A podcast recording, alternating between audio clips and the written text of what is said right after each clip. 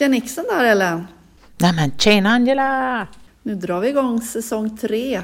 Ja, med massor av algsnack. Ta fram dina algsnacks så snackar vi. Har inte du varit i Japan? Jo, jag har varit i Japan. Algsnacks? Algsnacks. Berätta lite. Jag var i Japan i början på juni. Åkte dit för att titta på en sjögurksodling. Och eh, där det finns sjögurkor finns det ju oftast väldigt mycket alger också runt omkring. Så jag var uppe på Hokkaido, den stora norra ön. Ja, det var, det var mycket trevligt. Vi åt mycket alger. Uff, inte alls avundsjuk. Nej, jag, jag, jag vill ju åka, åka tillbaka dit och se mer. Det var otroligt trevligt. Jag följer med nästa gång. Men nu är det dags för skolstart. Ja, det är det. Och då tänkte fröken Algela att det är på sin plats att tipsa om lite käcka alggrejer som man kan göra i sitt klassrum eller hemma på kammaren. Vad tror du om det? Nej, men det tror jag är populärt. Det är säkert många som vill piffa upp sin, eh, sin föreläsning eller sin lektion med lite algrelaterat. Vi får väl se. Nu är det ju så att du, både du och jag är ju anställda vid Göteborgs universitet vid institutionen för biologi och miljövetenskap. Och vi har ju faktiskt tillsammans en kurs som heter just alger i klassrummet. Ja, det har vi. Och den får man ju gärna gå. Det, det är alla som är intresserade får gå den, men det är ju särskilt pedagoger och lärarstudenter som vi riktar oss mot. Mm, I huvudsak, men eh, all form av pedagogisk verksamhet tycker vi är viktigt. Ja, och även om man bara är intresserad får man gärna söka. Oh ja. Och vi hänger ju en hel helg på en marin fältstation och sen är det på distans. Men sa jag att det var halvfart? Nej. Nej, Nej det sa du inte. det är halvfart. Januari till mars på vårterminen och man ska söka senast 15 oktober. Sök alger i klassrummet senast 15 oktober. Du, du, du. Ja, nu tar vi upp några exempel som faktiskt är med på en annan kurs som heter Havet i klassrummet som börjar på hösten, men det behöver vi inte fördjupa oss i. Ska vi köra igång? Ja, men kör du. Jag har ett helt gäng med favoriter, men det är några stycken som jag särskilt brinner för. Och det är förstås att bygga växtplankton och skapa en algblomning, vad alger har för färgämnen, vad växer på en tångruska och är du förvånad? Nej, för jag misstänker att du vill sitta på vad som växer på en tångruska är mikroalgerna och jag vill titta på tångruskan. Men det är därför vi kompletterar varandra så bra. Ja, det gör vi. Jag tar ditt skräp. Bygga växtplankton kan man göra. Och det är ju väldigt enkelt, för växtplankton vill ju ha ljus, men de vill ha lagom mycket ljus, så det är inte för mycket och inte för lite. Och därför måste de vara på rätt plats i vattnet. Inte för nära ytan och inte för djupt. Och då så kan man utmana både sig själv och sina elever genom att ta en hink eller något annat, gärna genomskinlig, fyller på med vatten. Och sen så tar du fram vad du har, för nu ska du bygga ett växtplankton. Ett växtplankton är ju mikroskopiskt, men nu bygger du en liten modell. En cell. Okej. För att bygga ditt växtplankton så använd vad du har. Det ska inte vara komplicerat. Det ska vara saker som är väldigt lätta, några saker som är tunga. Det kan vara av plast, det kan till och med vara lite plastskräp som du klipper i en frigolitbit eller något. Du kanske har något gammalt sugrör. Allt möjligt. Mm. För nu gäller det ju då att få växtplanktonet att sväva i mitten av vattnet. Så man måste liksom vikta in det och se, behöver man lägga på något tyngre om det flyter för mycket eller behöver man lägga på lite flytkraft för att få det att lyfta om det sjunker till botten? Det är precis så. Så att om du har en hink som du har 30 centimeter vatten, då ska ditt växtplankton ligga still på ungefär 15 centimeter. Mitt i. Oh, det här är en utmaning. Det är det. Det är svårare än man tror. Ganska mycket ingenjörskonst för att vara biologi. Ja, alternativt förskollärarkompetens, för de är mycket duktiga på det här. Fast vi tänker på att flörtkulor löser upp sig i vatten. Sant. Okej, så du har ju fattat grejen här du. Och sen så kan man alltså googla på olika växtplankton och oftast kan man faktiskt hitta något, någon bild som liknar det man har byggt. De gångerna jag har genomfört det här så har det varit alltså nio gånger av tio så har vi faktiskt hittat något som speglar verkliga livet. Det är det. Det finns bara ett visst antal formationer som funkar helt enkelt, som är bäst. Ja, faktiskt. Det är jättekul. Och sen så kom jag på också att eh, för de lite högre klasserna så kan man ju prata Archimedes princip här också. Den är bra. Mm. Sen är man lite tävlingsinriktad som jag, kanske inte så lite, så kan man göra det här till en tävling också. Såklart man kan. Vem vinner? Och man kan också göra det tidsbegränsat. Vad hinner du bygga på 10 minuter? För För tio minuter är ju den där tiden som evolutionen hinner utveckla sig på, eller? Jajamän. Sen har vi det här med vad har alger för färgämnen? Du vet, eller du vet, alla vet väl att de som fotosyntetiserar i naturen har klorofyll A? Alla som vet någonting om fotosyntes brukar komma ihåg att klorofyll A är med i alla fall.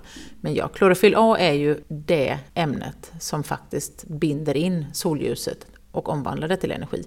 Och det gör att vad vi ser, vad som reflekteras tillbaka det gröna ljuset, så innehåller det klorofyll A så är det oftast grönt. Men brunalgerna, dina raringar Ellen, de är ju bruna. Ja, för de har nämligen accessoriska pigment som hjälper dem att ta upp ljus av andra våglängder. Hur kan vi då se att de faktiskt innehåller klorofyll A på ett väldigt enkelt sätt?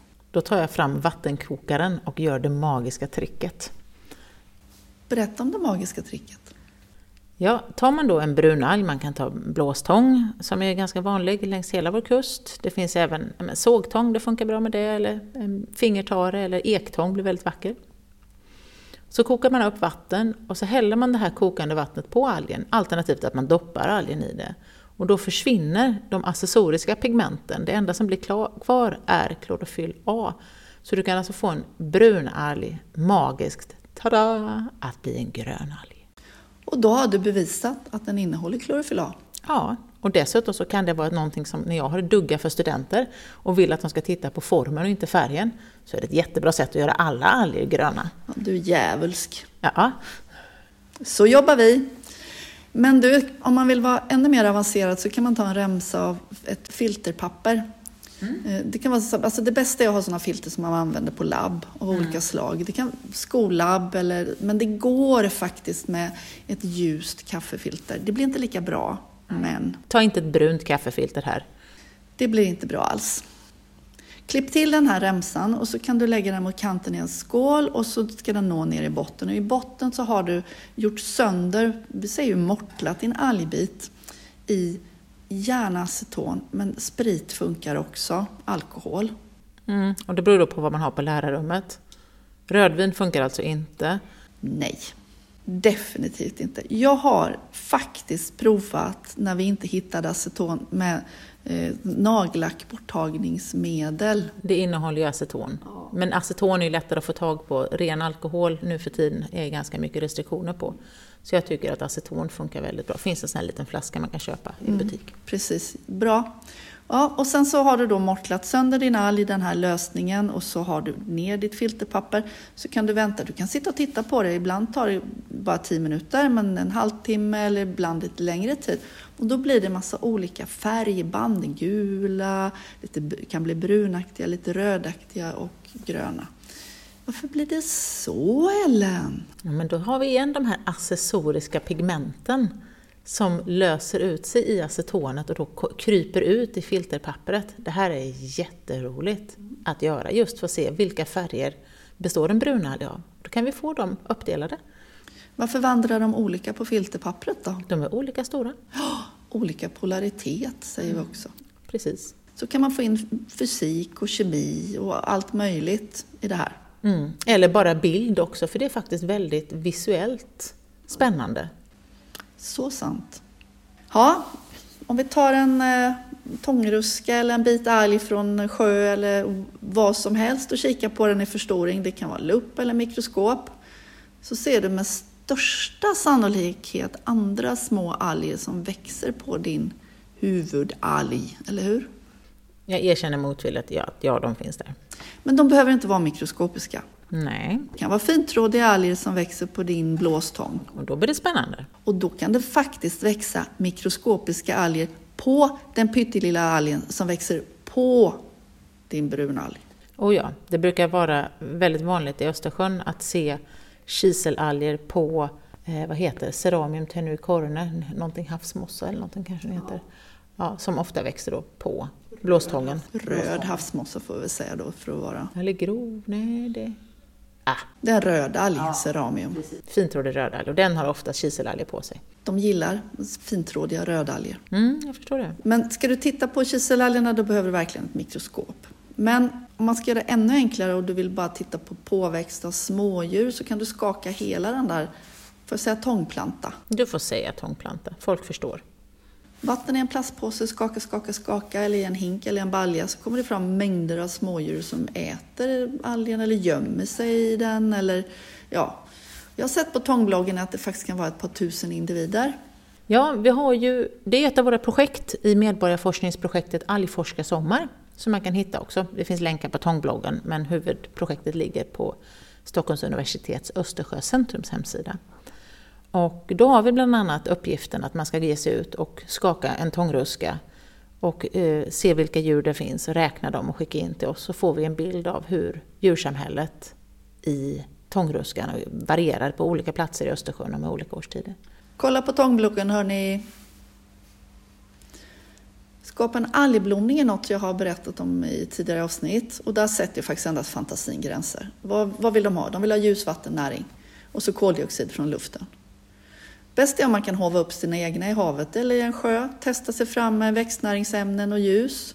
Temperatur är något att fundera på, de vill inte ha det för varmt. För varmt är oftast värre än för kallt. Så man ska inte ställa dem på en fönsterbräda där elementen är igång på vintern, det blir inget bra Nej. det blir för varmt. Ja, Bättre att ha lite mindre ljus och ställa dem längre in i rummet där det är lite svalare. helt rätt. Det ska absolut inte vara över normal rumstemperatur, precis som du är inne på. Nej, nej, alltså jag tycker inte över 18 grader. Sen provar man sig fram. Börjar det lukta illa? Ja, men häll ut hälften av vattnet och tillsätt nytt. Kanske blev det för mycket näring så att de växte för fort. Kanske fick du med djur som åt upp dina växtplankton. Det är ju en annan sak som kan hända.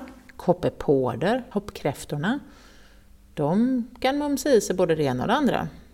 De äter sjögurkslarver också kan jag meddela. Oh, vilka otäcka. Ja, spawn of the devil. Men det kan ju vara intressant att studera det också, om det nu är det som händer. Om de äter mikroalger så är det jätteintressant att studera dem. Hur stor blir din koppepod?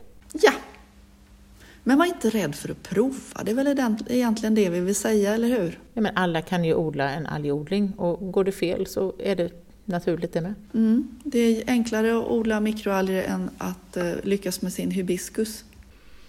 Oj då. Så illa. Så illa är det. Aj, aj, aj. Du, till sist vill jag tipsa om ett rollspel man kan göra. Hoppsan. Ja, det här handlar om giftiga algblomningar. Aha.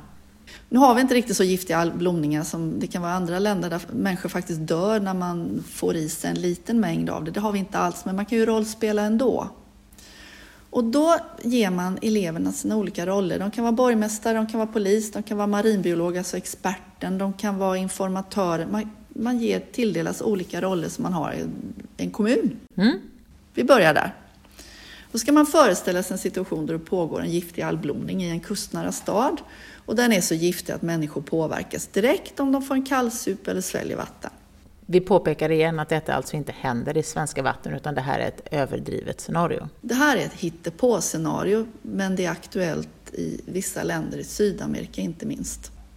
Och hur ska man sprida informationen? Vem behöver veta om problemet? Vad kan man göra åt det? Krismöten, myndigheter, medborgare, fiskare, musselodlare. Alltså, här finns många olika roller att tänka över. Mm. Vad är nyhetsmedias roll? TV, radio? Ska man gå ut på sociala medier? Ska man skicka ett sånt här sms? Alltså, mycket att tänka på. Rita kartor över utbredning. Så det här är egentligen i sitt paket en krisövning som inte måste handla om giftiga alger. Men kan göra det. Det här är suveränt för samhällskunskapen. Utmärkt, verkligen. Och varför inte tillsammans med biologi? Ja, med bild också om man ritar. Hur ska man... Och information, alltså det här med kommunikation som ju går in i många ämnen. Poster, grafisk presentation. Och det här är faktiskt något eh, som vi använder i Havet i klassrummet från en engelskspråkig förlaga från Bigelow i USA. Och då heter den A Community in Crisis. Man kan faktiskt googla på det för att det, man kommer åt det och det är, ett, det är ett helt paket med olika tips, olika roller och en introduktion. Vad spännande. Mm. Jag vill gärna puffa lite för den, för det, den har så många dimensioner. Ja, men det här tyckte jag var några riktigt bra tips så här i skolstarten för att inspirera både lärare och elever till att göra någonting roligt med alger under det kommande året. Och blir man ännu mer sugen så söker man till Alger i klassrummet 15 oktober. Det gör man. Då kanske vi ses. Ska vi säga så? Det gör vi. Ha det bra. Tjing tjing!